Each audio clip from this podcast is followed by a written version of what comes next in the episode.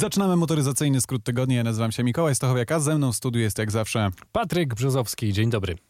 Pamiętajcie o tym, żeby zasubskrybować niezależnie od tego, gdzie słuchacie. Dokładnie tak. No i pamiętajcie o tym, że możecie nas nie tylko słuchać, ale i oglądać na naszym kanale na YouTubie Motoryzacyjny Skrót Tygodnia. No i mamy Facebooka jeszcze. Owszem. A my to motoryzacyjny skrót tygodnia, czyli program, w którym co tydzień przedstawiamy wam newsy ze świata motoryzacji oraz zwykle jakiś test.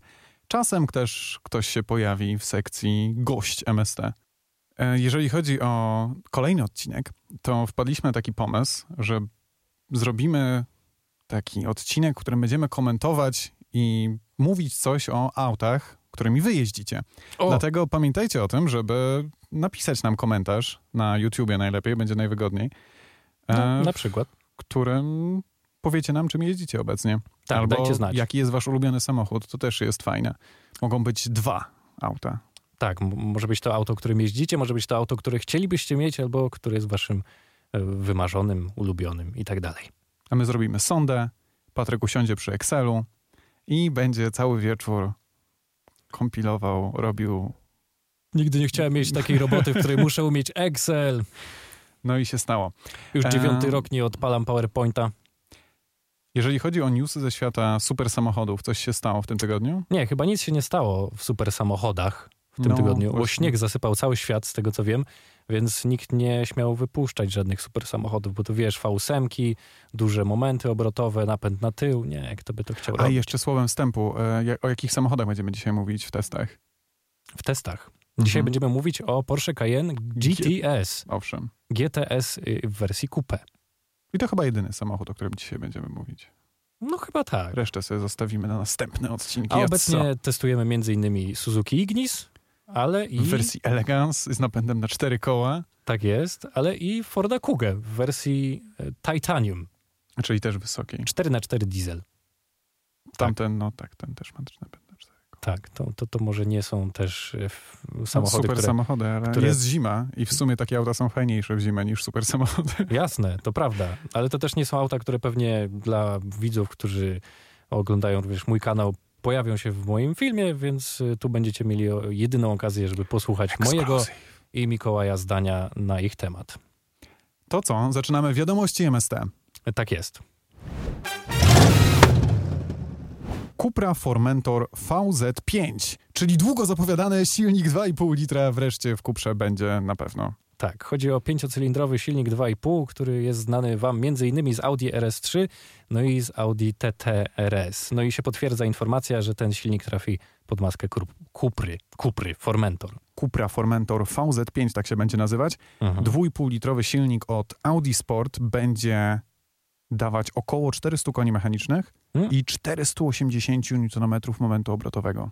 No to już całkiem wystarczająco. Ja nigdy nie jeździłem tym samochodem, nawet nie wiem jaka jest jego waga w tym momencie, ale wiem, że będziemy mieli okazję się nim przejechać, a nawet niedługo będę na takim evencie, gdzie pewnie będę miał okazję je zobaczyć statycznie. Wszystko za pośrednictwem siedmiobiegowej przekładni DSG. Hmm, to nowość. To tego byś się pewnie nie spodziewał. Nie, nie, nie. Nie. Spodziewałem się manuala pięciobiegowego. Tak, w dzisiejszych czasach. Odmiana 310-konna Cupra, czyli ta z dwulitrowym silnikiem, Mhm. kosztuje teraz delikatnie poniżej 200 tysięcy złotych. Jak myślisz, ile będzie kosztować VZ5? To jest, ja nie mam tej informacji, to jest, e, Rozumiem. to nie Pytasz o jest moje zdanie. retoryczne, tak? E, Czyli taką antycypację muszę No. zrobić. Nie mam pojęcia, ale myślę, że no, na pewno przekroczy 200 tysięcy złotych. Myślę, że w okolicach 230 Myślisz? jest to A nie realna tak cena. 250? Ja myślę, że taka w pełni wyposażona będzie dochodziła do pułapu dobrze wyposażonej A35. Czyli z 300 tysięcy. No nie, 250-60. Okej. No, To by było ciekawe, bo to był najtańszy samochód z tym silnikiem na rynku. ja zdecydowanie, to na pewno. I pru, no z taką mocą to pewnie nie, ale z tym silnikiem na pewno. No, z pięciocylindrowym silnikiem sportowym to jest już rzadkość. No i na pewno jedyny samochód, który tak wygląda, bo trzeba powiedzieć o tym, że Cupra naprawdę stylistycznie wygląda bardzo zadziornie, bardzo to charakternie. Prawda, to prawda. Elektryczny Volkswagen Multivan Model ID Buzz Mm, to jest coś, co było zaprezentowane chyba dwa lata temu na targach motoryzacyjnych w Poznaniu. trzy, bo w 2018 chyba. O widzisz, nawet już trzy lata temu. Ja widziałem ten samochód i miałem okazję chyba nawet gdzieś tam zaglądać do środka. On się tak kręcił ładnie na takim podejście obrotowym. Wyglądał, no jak wiesz, stary ogórek, tylko że w wersji nowoczesnej, w wersji elektrycznej. No i takiej- będzie. W takiej wymuskanej bardzo. Będzie, powstanie. Tyle, tyle o nim wiemy. Naprawdę. Także tak, powstanie, moi drodzy. Wiedzcie, że chyba będziecie mogli go sobie kupić. Jeszcze nie wiemy kiedy i nie wiemy za ile i nie wiemy czy na naszym rynku, ale myślę, że to dojdzie do skutku. Wiemy, wiemy, jaka będzie pojemność baterii. Będzie to 82 oraz 111 kWh, U, to naprawdę czyli dużo. ma być około 600 km zasięgu. To jest już dużo. Bardzo dużo. Ale to No. będzie też na pewno ciężki samochód. Bardzo Ale ciężki. to nie jest samochód, którym masz jeździć dynamicznie. To jest samochód, w którym masz pakować całą rodzinę, psa, babcię, zamknąć bagażnik, włożyć narty Nie no, oczywiście, że tak. i gdzieś pojechać. Gdzieś. To jest ten moment, w którym e, Błażej mówił, że schodzimy na temat obok. To jest, to jest dokładnie, to się właśnie stało. Ewentualnie żeby, Wyjmujesz aparat, robisz zdjęcia. Ewentualnie, żeby zadowolić tych, którzy nie jeżdżą z rodziną i z babcią, to możemy powiedzieć, że zabierasz psa, deskę surfingową i jedziesz na Trzech przykład do Chorwacji. przyjaciół. Tylko, że nie dojedziesz, ale, no, ale może. Albo jak masz takiego fajnego Volkswagena, to wiesz, jakieś ładne, Mi tu- młode dziewczyny do i- tego no, mi, Volkswagena. no mi tu pa- pasuje pies, dziewczyny i surfing. Mhm. To jest taki auto Pompowany mały basen. Tak jest. A wracając do samochodów francuskich, które są u nas, cieszą się dużym powodzeniem i dużym... Chyba tylko u nas. To, to, to prawda, ale jest coś takiego, że, że, ten, pewno. że ten podcast lubi auta francuskie. I włoskie. Tak, że... No bo my tylko potrafimy to docenić. No. Właśnie Wszyscy nie patrzą bardzo racjonalnie na motoryzację, a my tak trochę eterycznie. W każdym razie powstanie nowy, kolejny, bardzo ładny DS, który prawdopodobnie nie będzie się dobrze sprzedawał. Ale kogo to obchodzi, przynajmniej z naszej perspektywy? Przynajmniej w Polsce, bo jednak podejrzewam, że skoro oni wypuszczają coraz to nowe modele, to musi być jednak tak, że one się gdzieś dobrze sprzedają. Mm, no tak, pytanie, czy to nie jest marka, która istnieje cały czas tylko wizerunkowo, jest tak jakby, jakbyśmy to powiedzieli popularnie, dopalana, żeby utrzymać pewien zasięg pozorów, no ale zobaczymy. No w każdym razie nowe modele wychodzą co i rusz. I ty i ja bardzo lubimy DS7, właściwie w każdej wersji silnikowej. tak, E, DS3 ja jeździłem zarówno spalinowym, jak i elektrycznym. Ty też mi się podoba, okazji. a ja nie miałem okazji. ale, ale też jest bardzo fajnym małym autkiem, takim, który aspiruje do bycia rzeczywiście klasą premium. Ale za to jeździłem wieloma Peugeotami w wersji dieslowej, benzynowej, elektrycznej. podobnie. Nie to tak są, samo, ale podobnie. To są bardzo podobne samochody, zresztą w ramach jednego koncernu, więc No i teraz powstanie DS4. właśnie. Czyli na bazie Citroena C4. Samochód On bliźniaczy na z Citroenem C4. platformie EMP2, tak? Dobrze Tak jest. Tak jest, która jest przystosowana do tego, żeby przyjąć napędy hybrydowe, Owszem. między innymi, no i elektryczne. To jest ta sama platforma, którą znajdziemy w DS7 czy w nowym Citroenie C4, który jest crossoverem, przypomnę. Tak, teraz już tak. Em, no, ale z tego co widzę, to DS4 nie będzie crossoverem, tylko będzie kompaktem. Kompaktowym takim- suwem. Kompaktowym, tak? On będzie kompaktowym suwem No jednak. chyba tak, no bo to są auta mm, podwyższone, bądź co bądź. No tak jak DS3, tak, który wspomniałeś przed chwilą, taki DS4. Myślę, że teraz już nie ma takich samochodów typowo, przynajmniej w zakresie tej marki, typowo, które byłyby hatchbackami. Czy to będzie pierwszy samochód, który wypłynie z koncernu Stellantis? Nie wiem. Pytasz, czy tak już oficjalnie to będzie pierwszy model, który tak, będzie tak, tak, wypuszczony zostanie już pod nową nazwą? Nie wiem. To będzie, byłoby ciekawe. Co nie zmienia faktu, że jest piękny. Jest bardzo ładny. Jest bardzo ładny, ma przepiękne wnętrze. Te grafiki, które widzimy na zdjęciach wyglądają bardzo ładnie. Jest jakiś taki mały ekranik na konsoli środkowej. I nie tego- wiem, do czego ma służyć. Takiej ale... jakości wnętrza, w sensie pod względem designu, nie są w stanie zrobić nawet Włosi, to tylko robią Francuzi. Tak To uważam. prawda, tak. Aczkolwiek później wsiadasz do tego auta i tam zawsze są jakieś takie malutkie mankamenty, które ci do końca nie pasują. Wiadomo, że każde auto wygląda najlepiej na zdjęciach, Tak, szczególnie prasowych od producenta. tak, to wiadomo, Ale- ale... to jak z innymi produktami, tak samo. Ale jeżeli chodzi o na przykład o DSA 7, to tamten samochód, jak miał być wykonany cały w Alcantarze, to wszystko było w Był. Alcantarze i było wykonane naprawdę bardzo dobrej jakości i wszystko było dobrze ze sobą dopasowane. I Francuzi cały czas jeszcze utrzymują ten kult środkowego, analogowego zegara. To jest ładne. Bardzo to ładny ten akcent. otwierający się ekran, ten zegar w Tak, to, DS7. tam jeszcze jest tak rozwiązane właśnie, że on trochę tak się przewija, jak Mhm. w Bentleyu. No, oni byli pierwsi. A, właśnie. E, DS4. Francuzi zawsze są pierwsi i pokutują później za to. E, DS4 będzie oferowany z silnikami 1.2 PureTech, No, standardowo. 130 koni, 1.6 PureTech 180 koni. i 1.5 Blue HDI. E, jeszcze zapomniałeś o wersji hybrydowej, 225. czyli 1.6 PureTech, 225 koni, która pozwoli na przejechanie na samym prądzie podobno 50 km Mhm. i będzie diesel, tak, 1.5 Blue HDI o mocy 160 koni. W zależności od tego, którą wersję silnikową wybierzemy, dostaniemy sześciobiegową manualną skrzynię lub ośmiobiegowy automat. Fajnie, że będzie ten mocniejszy diesel w DS, 130 koni? w DS-ie. Nie, on ma 130, On ma 130 koni. czyli nie będzie większego. diesel. A, będzie jeden. 1.5 Blue Widzisz, to tak samo jak nie ma w 508 już tego 180-konnego. To przesłyszałem się. Już chciałem powiedzieć, że bardzo dobrze, że został ten wyższy diesel, ale niestety jednak nie. Cieszmy się doceniać diesla, póki, O tak, bardzo. póki z nami są. Ale swego czasu Peugeot miał kampanię taką, gdzie zachęcał wielu klientów do tego, żeby kupowali diesla.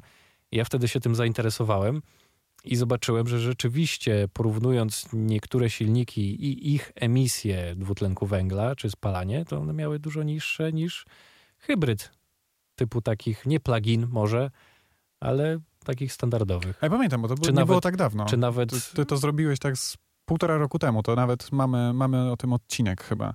Tak, być może tak. Fakty mówią same za siebie. Tabelki mówią i później praktyka też. Więc to nie jest tak do końca, że diesle są do wyrugowania całkowitego. To są Mamy bardzo fajne słuchaczy. silniki. Którzy co tydzień przesłuchują wszystkie odcinki. Mamy? W sensie, każdym, każdego tygodnia ktoś przesłuchuje absolutnie wszystkie odcinki, także jeżeli jesteś tą osobą, drogi słuchaczu, To to możesz teraz, możesz teraz wejść i powiedzieć nam, w którym odcinku Patryk właśnie opowiadał o, Quiz. o, o dieslach, tak. Wtedy Quiz. jeszcze chyba miało numerki. To jeszcze, Porównywałem wtedy GLC do 508. Z tego co pamiętam. Niewykluczone, niewykluczone, że tak było. GLC w wersji takiej hybrydowej, ale z instalacją 48V, czyli mild hybrid chyba, Mhm. mm, do 508 tej mocniejszej z dieslem, którego już dzisiaj nie ma.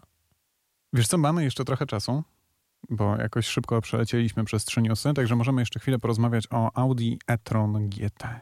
Które chyba dzisiaj, jak to nagrywamy, ma swoją premierę. Tak, W sumie jeszcze oficjalnie chyba nie zostało pokazane, albo właśnie teraz zostało pokazane. bo żeby nie było wątpliwości, nagrywamy to 9 lutego 2021 roku Tak o godzinie 18.03.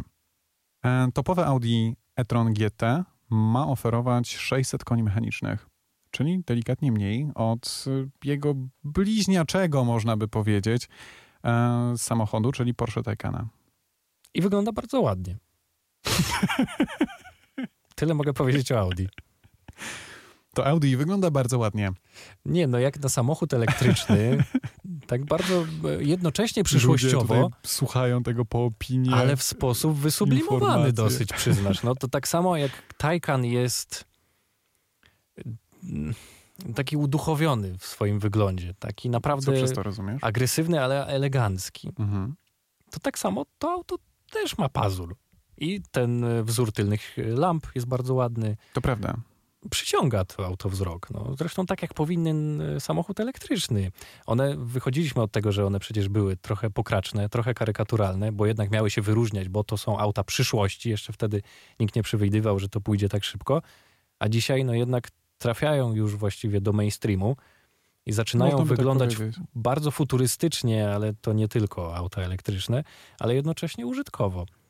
I tak mm, bardzo sportowo. Chociażby Volkswagen Multivan. E, Tak, ale bardzo sportowo. Tak, no to, że do, do wszystkich segmentów już się elektryfikacja przebija, to raz. Ale dwa, że one są bardzo wydajne, takie nawet w swoim wyglądzie. One wręcz pokazują, że są szybkie, że są mocne, że są świetne w zakrętach, że są zwinne. No to, to jest coś w tej stylistyce. I to się ma do Audi e-tron.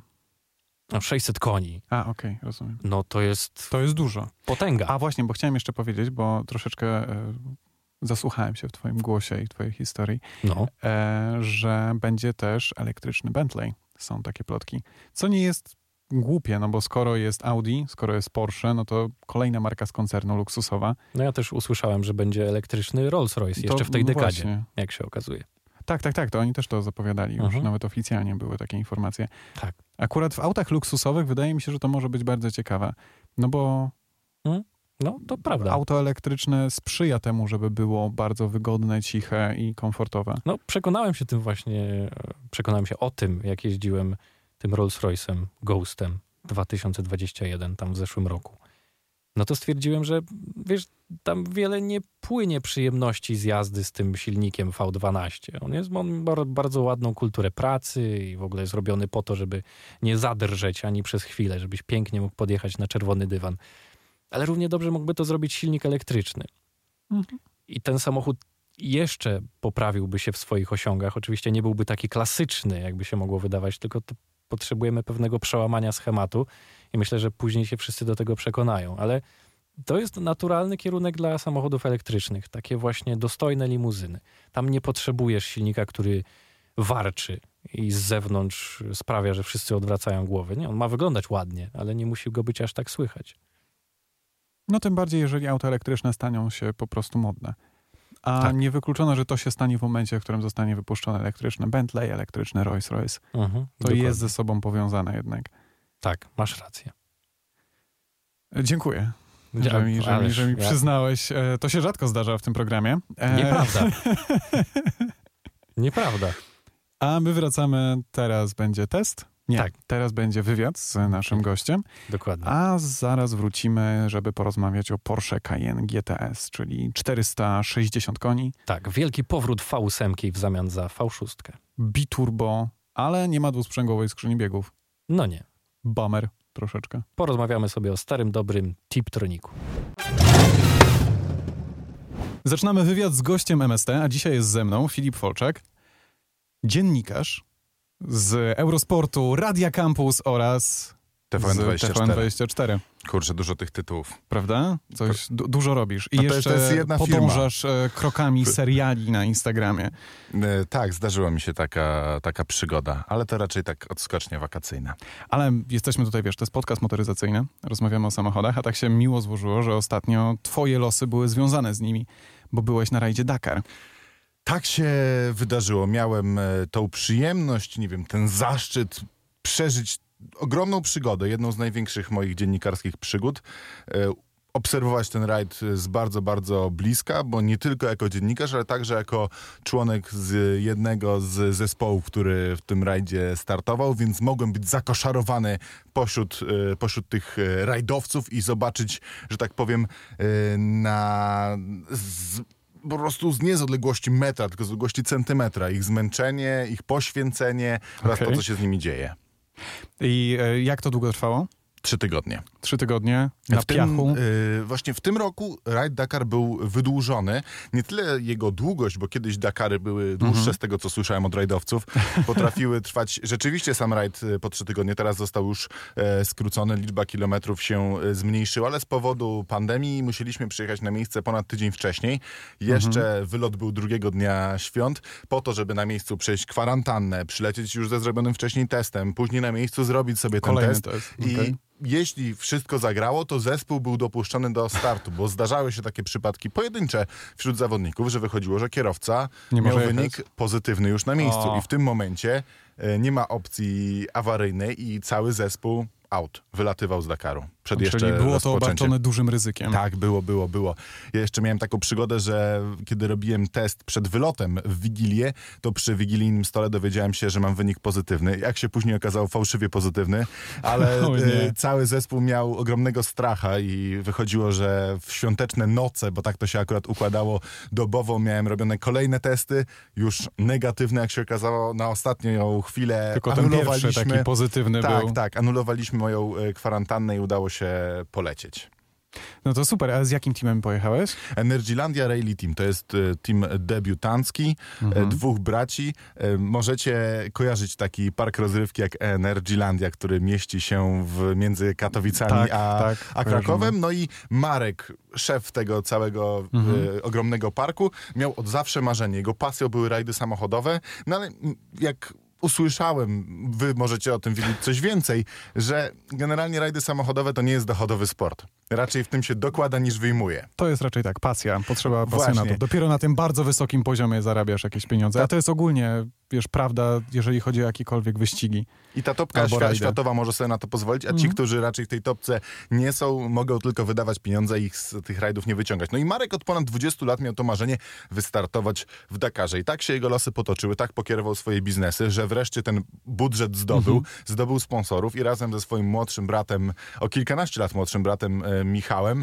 e, że tak Ruszyli. ruszyli i byli debiutantami, marzyli o ukończeniu tylko i wyłącznie Dakaru, a Michał, jego młodszy brat Marek go wcześniej wszystkiego nauczył, jeśli chodzi o rajdy. Zajął w klasie SSV trzecie miejsce, co było, No to jest osiągnięcie. to nie? było ogromnym I sukcesem. to był pierwszy ich start. Czwarte miejsce, Czwarte. przepraszam, Czwarte czwarte, miejsce. miejsce. Trzecie miejsce zajął Aaron Domżała, inny, inny Polak, ale czwarte miejsce, pierwszy start i był pierwszy wśród tak zwanych rookies, czyli żółtodziobów, ci, ci Mhm. którzy właśnie No to jako super. pierwsi Bardzo start dobry wynik, gratulujemy. E, Co chcecie na, wiedzieć na, na więcej? Czym, na czym polegała twoja praca tam?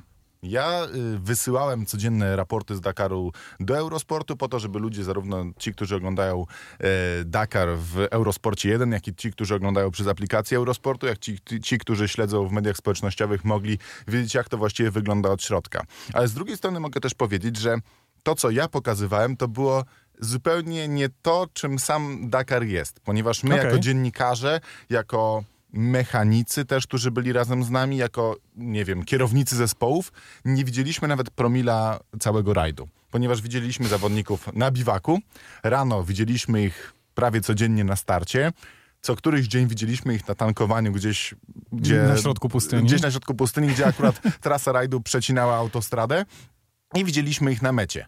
Cała ta wielka i długa i trudna trasa, która czekała ich każdego dnia, była dla nas całkowicie niedostępna.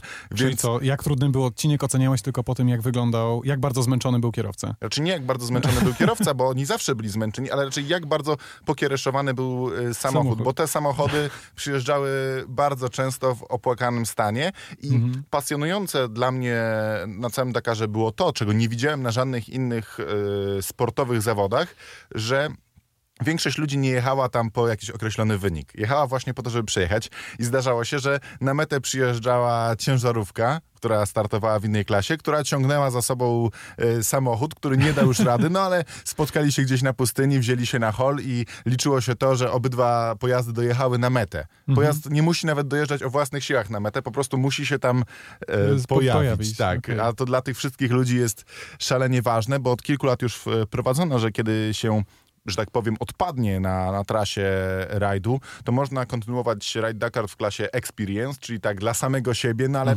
wiadomo, liczą się te wyniki, żeby mierzyć się z najlepszymi. Bardzo ci dziękuję. Chyba, że masz jeszcze jakąś motoryzacyjną historię do opowiedzenia albo coś więcej o Dakarze. Bo mówisz, że to jak wyglądało twoje doświadczenie z Dakaru? Jeździłeś po autostradzie? Po prostu? Tak, no, my generalnie jeździliśmy po bardzo długich drogach prosto. To było tak, że mieliśmy nawigację w naszych samochodach i Okej. rano nawigacja pokazywała wyjedź z biwaku. No to wyjeżdżaliśmy z biwaku, następnie wskazywała taką długą, prostą strzałkę na ekranie, jedź 520 km prosto. Kiedy jechałeś 520 km prosto, no to jak już skręciłeś na tym rondzie za te 520 km, no to było dalej jedź 300 km prosto. I po tych 800 km mniej więcej każdego dnia dojeżdżałeś sobie radośnie na biwak, w międzyczasie zahaczając o to tankowanie, start i metę. Czyli miałeś dużo czasu na obrabianie e, swojego vloga z e, Eurosportu i materiałów. No on właśnie musiał być gotowy tego dnia na wieczór, więc to Aha, raczej okej. miałem długo czasu na zastanowienie się, co e, dzisiaj Na koncepcję, e, tak. co dzisiaj nagramy, ale mogę powiedzieć coś takiego, że moja mama, która absolutnie nie jest zainteresowana żadnymi motorsportami, też za sprawą tego, że ja tam byłem na miejscu, No, codziennie wieczorem oglądała relacje te eurosportowe, to w Mhm. jaki sposób jest to nagrywane e, w, w Eurosporcie, to, są, to jest francuska firma, organizuje cały Dakar, to jest francuska impreza. I tam jest 12 śmigłowców na miejscu, jest kilkadziesiąt e, różnych samochodów, które gdzieś na trasie czekają i nagrywają to wszystko z ziemi i e, z powietrza, więc realizacja medialna całego tego przedsięwzięcia jest e, absolutnie fenomenalna i to są najlepsi na przykład e, piloci śmigłowców na, na świecie. I wydarzyła się na przykład ostatniego dnia e, taka nieprzewidziana sytuacja e, ostatniego dnia rajdu, kiedy na metę y, trzecia ciężarówka w klasyfikacji generalnej przyjechała i miała uszkodzony dach. No i my trochę byliśmy trochę zdziwieni, o co chodzi, że Jak, ciężarówka nie? przyjeżdża z uszkodzonym dachem, bo jak już ciężarówka dachuje, no to już raczej e, w ogóle nie przyjeżdża, raczej jest ciągnięta przez kogoś, albo przyjeżdża po nią ciężarówka techniczna i przygoda się kończy. Okazało się, że te śmigłowce, które kręcą to wszystko z powietrza, pędzą z tak ogromną prędkością, bo ciężarówki jadą około 150 na godzinę w trakcie, e, w trakcie Dakaru, wrażenie. a śmigłowiec wisi jakieś pół metra nad pędzącą ciężarówką. I nagrywa to wszystko tak, żeby było jak największe zbliżenie. I nawet jest dostępne nagranie w internecie, kiedy ciężarówka podskakuje na wydmie, przywala w śmigłowiec. E, całe szczęście przywala tylko w, w płozy. Śmigłowiec od razu szybko odlatuje, bo pilot się zorientował, że coś tu jest nie tak. Cieszmy się, że nie, nie, nie uderzył w złego nie wirnik, stało, nie? który jest na, na końcu śmigłowca, bo wtedy mielibyśmy e, katastrofę. Sam Dakar mogę powiedzieć, że jest y, bardzo niebezpieczny, bo średnio y, jedna osoba rocznie ginie na Dakarze i taka sytuacja miała miejsce też y, Hmm. w, tym, y, w tym roku, co nie jest wesołe. I wiem, że kiedy ma miejsce jakiś wypadek, a średnio codziennie słyszeliśmy o jakimś wypadku, może nieśmiertelnym, ale o jakimś wypadku słyszeliśmy, to kierowcy, kiedy wieczorem te wszystkie plotki i wieści się, się rozchodzą, to widać, że zastanawiają się już dwa razy nad tym, czy warto tak pędzić, czy wyprzedzanie się na wariata ma sens, bo w tym roku miała miejsce taka sytuacja, że zmarł motocyklista. Ponieważ zawodnicy mają takie systemy, które nazywają się Sentinel e, w swoich pojazdach, które sprawiają, że można się ze sobą wyprzedzać. Otóż zgodnie z przepisami Dakarowymi, jeśli chcesz wyprzedzić innego zawodnika, bo jesteś szybszy, wysyłasz mu sygnał i on na swoim komputerku dostaje sygnał, że ktoś chce cię wyprzedzić. Ponieważ w tych tumanach kurzu nie da się tego praktycznie zobaczyć. Ale zawodnicy pędząc przez kaniony, przez wąskie drogi, przez dosyć, mimo że to jest pustynia, to nie, nie da się tak łatwo kogoś wyprzedzić. Stwierdzają, nie no, co mnie będzie wyprzedzał, przecież jak szybko pędzę, no i nie dają się wyprzedzić. Okej. Więc- I czasami jest próba na to, żeby bez tego programu. Tak, bo to mimo, że zrobić. można dostać karę, jeśli się kogoś nie puszcza, to już niektórzy stwierdzają, co tam z karą, próbuje nie dać się wyprzedzić. Jasne. Więc oni wyprzedzają już bez tego Sentinela, co słyszałem od zawodników jest bardzo, ale to bardzo przerażające, ponieważ nagle jedziesz sobie swoim mniejszym pojazdem i nagle na przykład ciężarówka, taki kamaz ci wyprzedza i zostawia cię w tumanach kurzu i ty przez kilka sekund nic kompletnie nie widzisz, a sam pędzisz z ogromną e, prędkością. I właśnie francuski motocyklista miał wypadek, ponieważ wyprzedzały go dwa samochody. Z jednej strony pojawił mu się nagle po jednej stronie e, samochód. Jeden tuman kurzu. Jeden tuman kurzu, on się przestraszył, odbił i w tym momencie okazało się, że z drugiej strony inny samochód też chciał go wyprzedzić. No i niestety nie udało mu się go wyprzedzić, bo wjechał po prostu w tego motocyklistę. I kiedy rozmawiałem właśnie z Szymonem Gospodarczykiem, polskim pilotem rajdowym, tego dnia po tym wypadku, to był akurat odcinek maratoński, to nie miał zbyt wesołej miny, bo on jako pilot zawodowy, który 200 dni w roku spędza na tych rajdach, najbardziej, chyba najlepiej zdaje sobie z tego sprawę, że wszystko fajnie, jak, jak lecimy do przodu, jak nam tylko zmieniamy kapcie gdzieś co jakiś czas, a mogą się wydarzyć naprawdę e, chwile Niebezpieczne. niebezpieczne. Ja jeszcze muszę coś powiedzieć, żebyśmy nie kończyli tak, e, tak smutno, że o nie, wszyscy umierają, bo nie, Nie wszyscy no. umierają. Co ty? Mogę powiedzieć, że meta na rajdzie Dakar To słyszałem, To jest- jest, to jest- to coś jest niesamowitego. Piękna sprawa. To jest y, coś takiego, że kierowcy przyjeżdżają, drą się w niebogłosy, skaczą z radości, chodzą na te swoje pojazdy. Że się udało wreszcie. Krzyczą. Łzy są y, przeogromne. Y, Był y, polski motocyklista na Dakarze, 19-latek, którego, y, którego ojciec był także na mecie, także już emerytowany motocyklista. I ta scena, kiedy oni się ze sobą spotkali i obydwaj się popłakali, bo, bo się udało, bo ponieważ po tych nastu dniach tego po prostu nieludzkiego wysiłku się udało, to, to, to nawet najtwardsi zawodnicy po prostu pękają i, i wszystkie emocje z nich schodzą w tym momencie. Nie no, podejrzewam, że takie, wiesz, dwa tygodnie na pustyni, to jeszcze odpowiednio wcześniej długo się przygotowujesz, nie?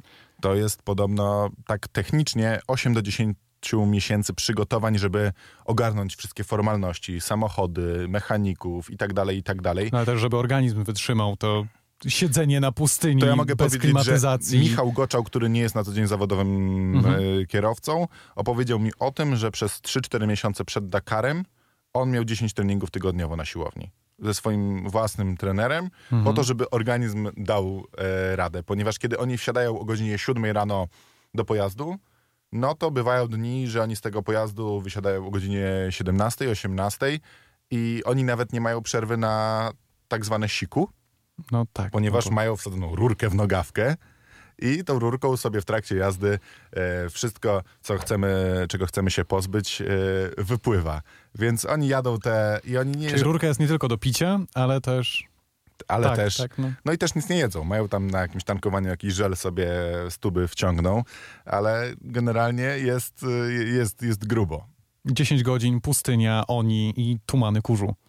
Jeszcze muszę coś, jeszcze coś dodać. Jeszcze coś. Dobrze, ale wiesz, Jest- ja cię nie powstrzymuję, bo ty tutaj jakby sugerujesz. Bo, bo tak ja powiedziałeś, czy coś jeszcze, wiesz, nie, tak wcześniej. Nie, nie, nie, nie. Dobrze. To, to było takie Kochani, zachęcające raczej. Drodzy Widzę, że się słuchacze, udało. drodzy słuchacze, Widzowie też. widzowie, właśnie, bo jesteśmy w telewizji. E, Na YouTubie Na. YouTubie. To jest taka telewizja XXI wieku. wieku.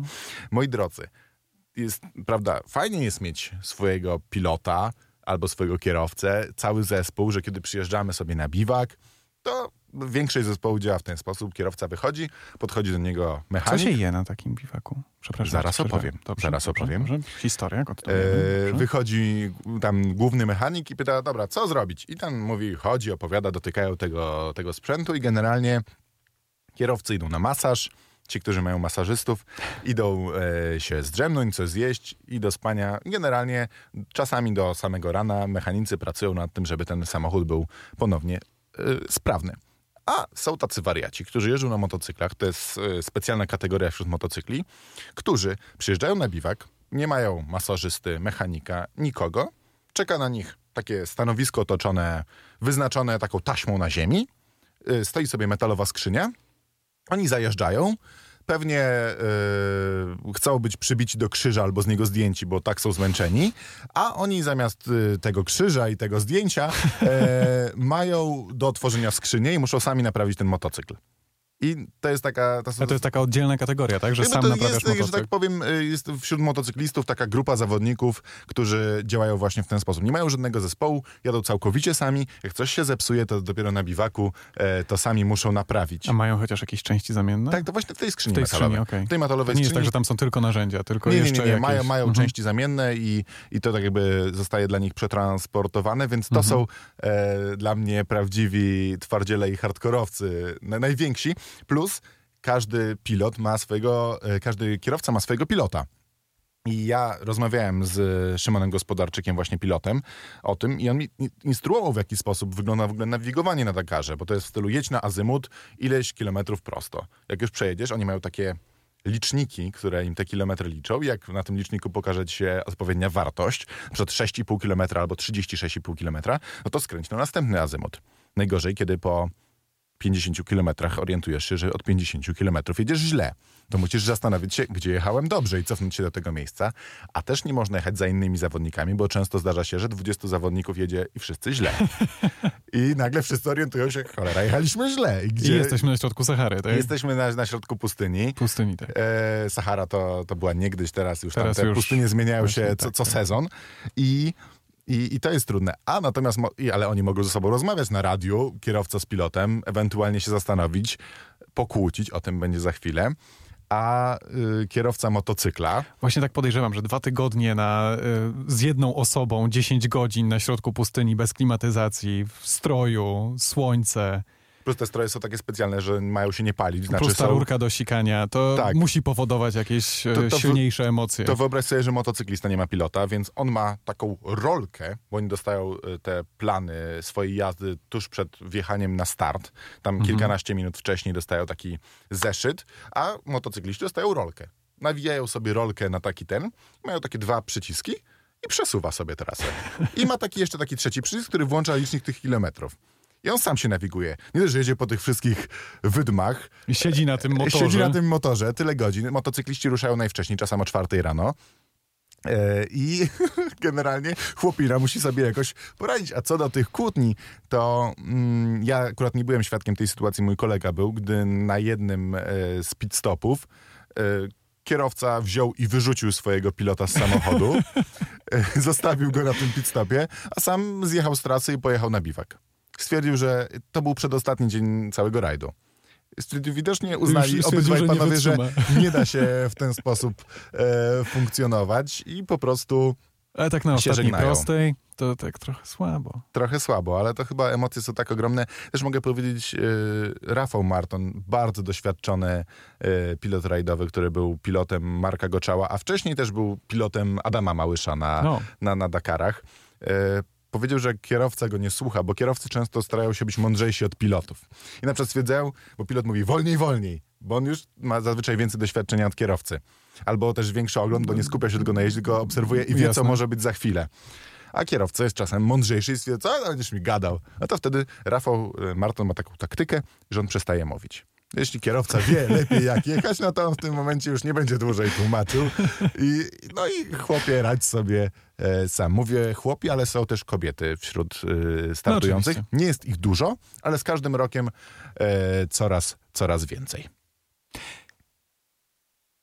Tak, to musi być bardzo taka działająca dobrze taktyka, prawda? To znaczy, to przestanie. e, Nagle cały czas, jak rozumiem, słyszysz ten głos tego, tego swojego pilota. On ci mówi, co zaraz ma być, gdzie masz skręcić, jak długo masz jechać prosto. Także skupiasz się na tym jego głosie i nagle następuje cisza. Jesteś sam z maszyną. To musi być e, wręcz straszne. Cisza to nie wiem, czy to jest do końca, bo jestem nieustający... no, sam z maszyną. E, To sam z maszyną, tak. tak. e, Przede wszystkim e, pilot i kierowca muszą znać się najlepiej dużo wcześniej, co najmniej rok wcześniej, po to, żeby tych rajdów przed Dakarem ileś Mieć trochę innych zrobione. przejechać, takich mniejszych, po to, żeby się przygotować, żeby w ogóle dowiedzieć się, czy może- ci ludzie są dla siebie Mhm. e, stworzeni. Czyli to musi być taka, muszą być przyjaciele prawie, że. Prawie że. A kiedy nie są, no Zawodowi. to wycho- właśnie dzieją się takie rzeczy, że jeden drugiego na pitstopie wywala i, i jedzie do domu. Ale przedostatniego dnia naprawdę No, widocznie musieli naprawdę mocno się pokłócić. Pytałeś, co się e, je na Dakarze. Tak, tak, tak, bo jestem ciekaw. E, Na Dakarze e, je się, przynajmniej na tym Dakarze, który był, słyszałem, że był całkiem dobry, jeśli chodzi o jedzenie, bo nie, co rok to, to inaczej może być. Ja byłem tylko do tej pory na jednym rajdzie Dakar, ale e, jedzenie dostarczały linie lotnicze saudyjskie, bo cała impreza działa miała miejsce w Arabii Saudyjskiej. Czyli nie I- Sahara. e, czyli nie Sahara, już od dobrych kilku lat. E, I jedzenie dobre, urozmaicone, nieograniczone w ilości, kiedy już możesz to sobie jesz go ile chcesz, ale ten, kto leciał na, dłuższą, na dłuższym dystansie samolotem, wie, że to jedzenie nie należy do takich e, zbytnio wykwintnych, raczej jest to jedzenie odgrzane trochę w mikrofali. I kiedy po dwóch tygodniach naszej podróży codziennie było co innego, ale na dobrą sprawę codziennie było to samo, bo smakowało To nie było jedzenie z samolotu. I my jadąc, patrzyliśmy na mapach Google'a, gdzie mamy jakieś większe miejscowości i szukaliśmy e, tak zwanych złotych łuków albo innego, e, innej sieci fast foodów i wiedzieliśmy, że braliśmy stertę y, kanapek i wszystkiego, co dowoziliśmy już to zimne na biwak wieczorem, ale żeby kierowcy nie musieli jeść tego samego, bo oni już, już mieli dość, że nie, już nie, nie, nie, nie będziemy jedli tego kotleta setny raz, który smakuje dokładnie tak samo. E, Filipie, na pewno masz jakiegoś swojego Instagrama, którego nasi słuchacze, widzowie mogliby chcieć zobaczyć. Filip Folczak. Jest tam sporo zdjęć, kilkadziesiąt zdjęć z Dakaru, także serdecznie polecam. Jest tam sporo e, przygód dakarowych opisanych, zatem zachęcam i jednocześnie zachęcam na przykład na Facebooka Eurosportu, gdzie możecie obejrzeć e, raporty z Dakaru. Wystarczy nawet wpisać raport z Dakaru w wyszukiwarce facebookowej Ja i oglądałem. może nazwisko moje Folczak też, żeby zacieśnić to i tych odcinków jest naście. Zatem e, gorąco polecam, bo uważam, że y, Ride Dakar ma dwie grupy kibiców. Ci, którzy są już kibicami, ci, którzy dopiero nimi mogą zostać, bo to jest wspaniała impreza. To już tak zachęciłeś, że wiesz, nikt nie odmówi, tylko zaraz No to- to poleci. kurczę, wszyscy tylko wszyscy za, tylko za polecą rok do dopiero jest. No. następny Dakar. No to, no, Jak rozumiem, wybierasz się, spodobało ci się. to nie ode mnie zależy, Ale ale, jakbyś miał bardzo wybór? bym chciał, bardzo bym Mhm. chciał. Bardzo męcząca impreza, ale bardzo fajna. Tak trochę ci zazdrościłem, kiedy siedziałem na tych świętach i widziałem twoje vlogi, twoje Instagramy, jak tam siedzisz na tym Dakarze. Zupełnie, zupełnie inaczej. Jeszcze w czasach, kiedy nikt nie może podróżować, a ty odbywasz najbardziej egzotyczną przygodę możliwą. to jeśli jakichś zazdrościach, nie zazdrościach, to ja mogę powiedzieć, że ja wiedziałem, chłopaki, że wy tutaj tworzycie y, ten, ten podcast, całą tą serię. Teraz już widzę, że z wideo w ogóle świat idzie do przodu, ale ja się dowiedziałem, że motorsporty mają tak ogromną rzeszę kibiców w Polsce i to są strasznie fajni ludzie i w ogóle to się wszyscy znają. My o motorsporcie mało mówimy. No ja wiem, ale generalnie e, motoryzacja, że, że to tak jakby to jakieś takie, to jest bardzo wszystko wsobne i nie ma jakiegoś takiego hejtu chyba w ogóle w tym. Czy jest? Czasami jest, że mówimy po angielsku niektóre rzeczy. Ja taka drobnica, No, to takie, wiesz, takie czymkolwiek malutkie, innym. no. Także fajnie. Albo, że nie wiem, jakiś producent marki marki z poszczególnych krajów się bardziej psują albo mniej, wiesz, takie Ale to, tak stereotypy. zawsze jest, takie no, stereotypy. Takie, takie, Także Ale generalnie ogólnie tak, motoryzacja mamy- dajemy okejkę. Nasi słuchacze, słuchacze motoryzacyjnego skrótu tygodnia oraz widzowie e, są zwykle bardzo pozytywni. I tak I mają się tendencję do zaczepiania na ulicach w Warszawie, także będziesz się teraz obawiał. O matko kochana, czyli te wszystkie y, 120 tysięcy osób, które zobaczy ten podcast w tym tygodniu. Dokładnie, milion dwieście. Milion dwieście. Milion dwieście. Dobrze. Y, Kończymy, mój drogi? Kończymy, kończymy. Bardzo Dziękuję- było miło. Ja ślicznie dziękuję, kłaniam się w pas. Jakbyś robił razie. cokolwiek związanego z motoryzacją, to wiesz, jakby zapraszamy. Y, Jakbyś Będę chciał się o tym odzywał. powiedzieć. E, A my przechodzimy do Czy kolejnego jest, jakieś, segmentu. czy jest jakieś pożegnanie, u, wiesz, w motoryzacyjne pożegnanie? Nie ma chyba takiego. Nie ma takiego, może jakieś ale, wymyślimy. Ale nie, no właśnie, tak chcesz? O Jezus, Nie, dobrze. b- nie, nie róbmy tego, wyjdzie nie, nie, żenująco. nie, wy- wyjdzie, wyjdzie, wyjdzie źle, tak, tak mi się właśnie wydaje. Dobrze, y, ja się kłaniam w pas, do widzenia, do usłyszenia, hej. To był Filip Folczek, a my przechodzimy do testów MST.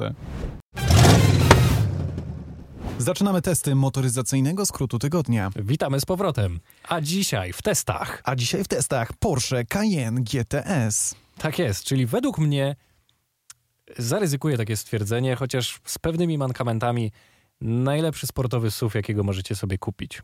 4-litrowe V8 produkuje 460 koni. I 620 Nm maksymalnego momentu. To wystarcza. Oczywiście jest jeszcze mocniejsza wersja turbo, ale w sumie po co wam aż tak mocny samochód?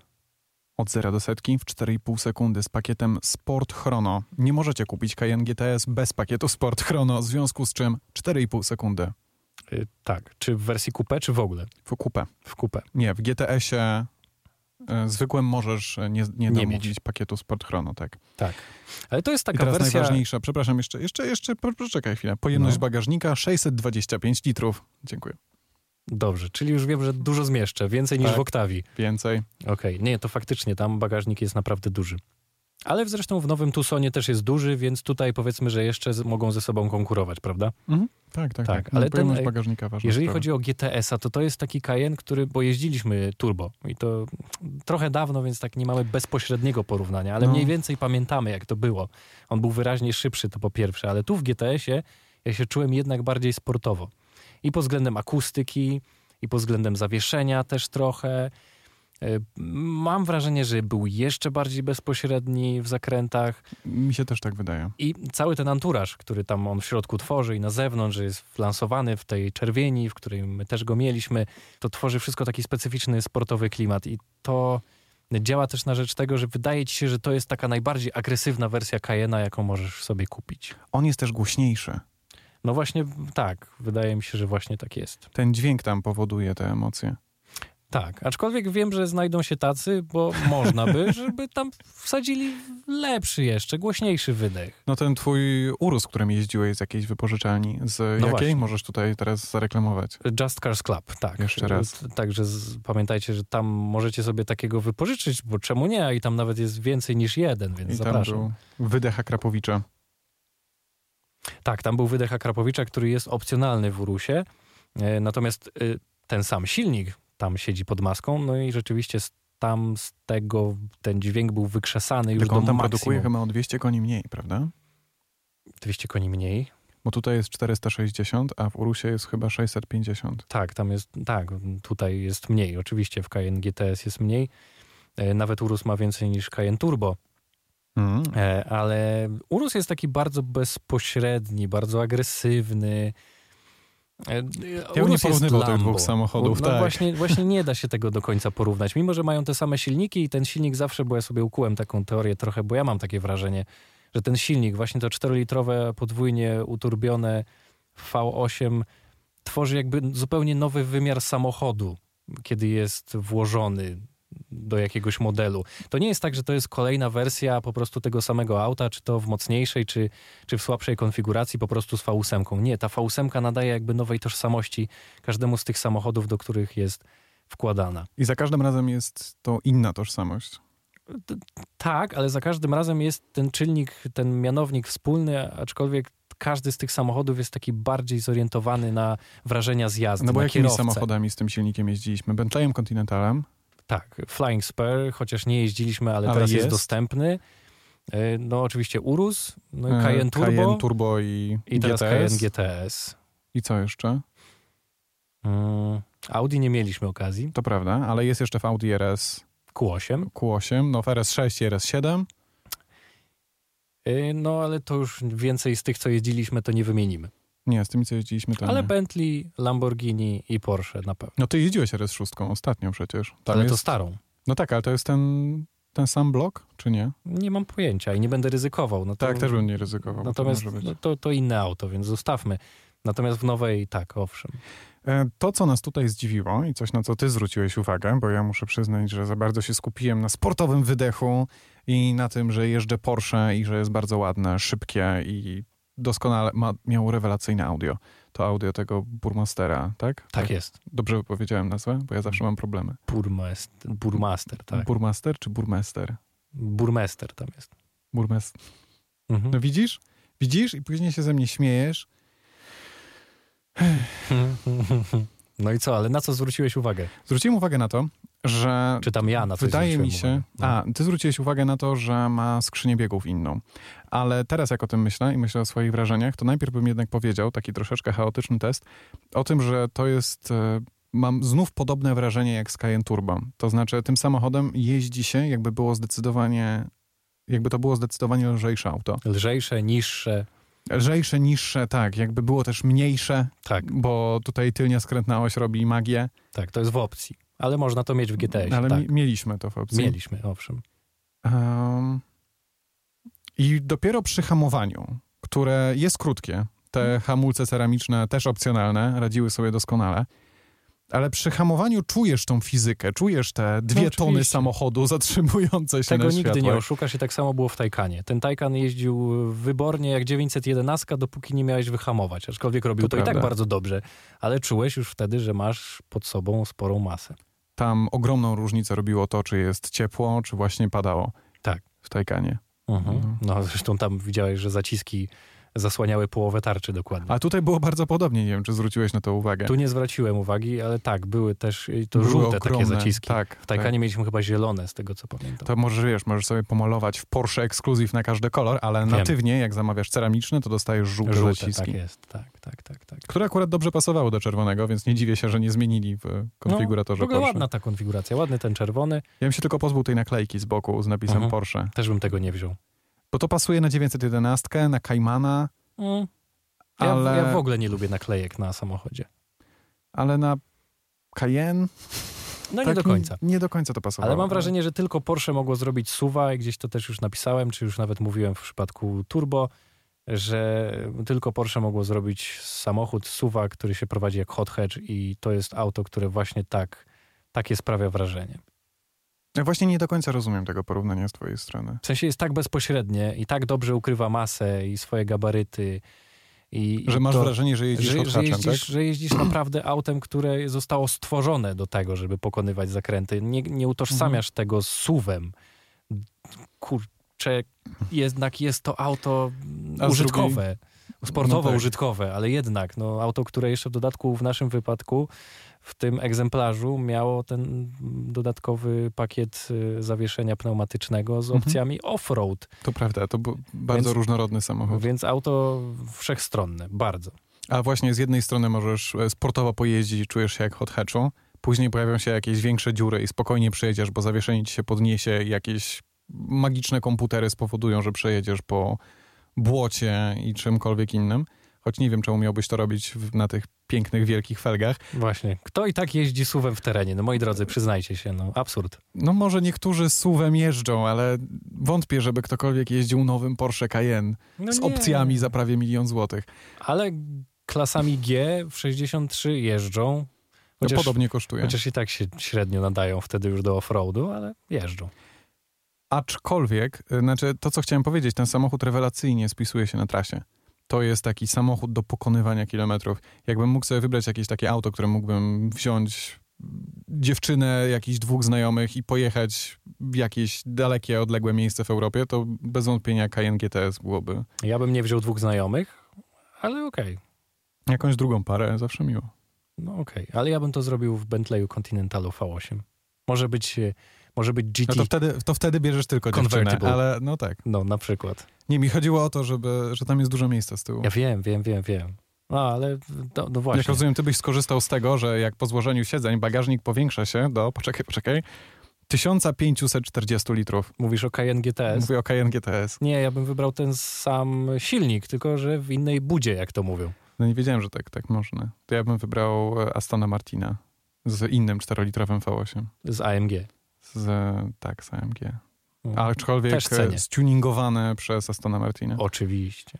Ale widziałeś, że... Ten Vantage za mną chodzi. Ale to jest tak propos, ładny samochód. Tak Przy- bardzo chcę się nim przejechać. Jeżeli ktoś ma Astona Martina Vantage nowej generacji, to A propos. błagam. A propos, a propos, właśnie chciałem ci powiedzieć, zejdziemy trochę z tematu, ale powiedzmy, że o GTS-ie już i tak wystarczająco powiedzieliśmy. To Aston Martin jakby się troszkę z Polski zwija. A nawet się już zwinął. Tak? No, z tego co wiem, a przynajmniej z tego co wysądowałem sam, być może są to plotki, no to tego salonu już nie ma. On miał się przenieść, ale Może otwiera się, wiesz, dystrybucja Astona Martina w Polsce. nie, Ale bo to byłby próbowałem, strasznie dziwny próbowałem się strony. dobić teraz po raz kolejny do ludzi z Astona Martina i próbowałem pisać na adresy mailowe, które są podane wciąż na stronie i niestety Google wyrzuciło, że taki adres już nie istnieje. No proszę.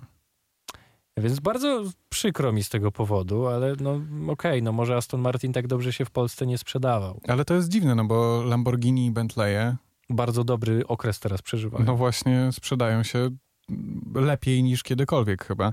Tak. Także dlaczego Aston Martin miałby się wycofywać, skoro to jest podobna klasa? No nie jest to chyba popularna marka na tyle w Polsce. No nie wiem, ja bym... Ja wiem, że to zabrzmi niepopularnie, ale jakbym miał wybierać pomiędzy Astonem Martinem albo Bentleyem, No wiesz, no to, to, To- No, każdy ma swoje upodobania, oczywiście, że tak. Natomiast no widać, ty jesteś w mniejszości. aczkolwiek Bentleye są bardzo dobrymi samochodami. Ale są zupełnie innej klasy samochodami, to znaczy innego rodzaju. No też Grand Tourer w sumie. Raczej Podobne raczej, silniki, raczej podobna moc. GT, tak. A tu w Astonach jeszcze jest ta nutka, no oprócz tego, że z klasą, to jednak większego zacięcia. Myślę, tak, tak, bo Bentleye i tak są tymi luksusowymi autami sportowymi, ale Tak, no takiej klasy powiedzmy przemierzania e- Europy. Natomiast Aston ma zawsze jeszcze ten pierwiastek sportu.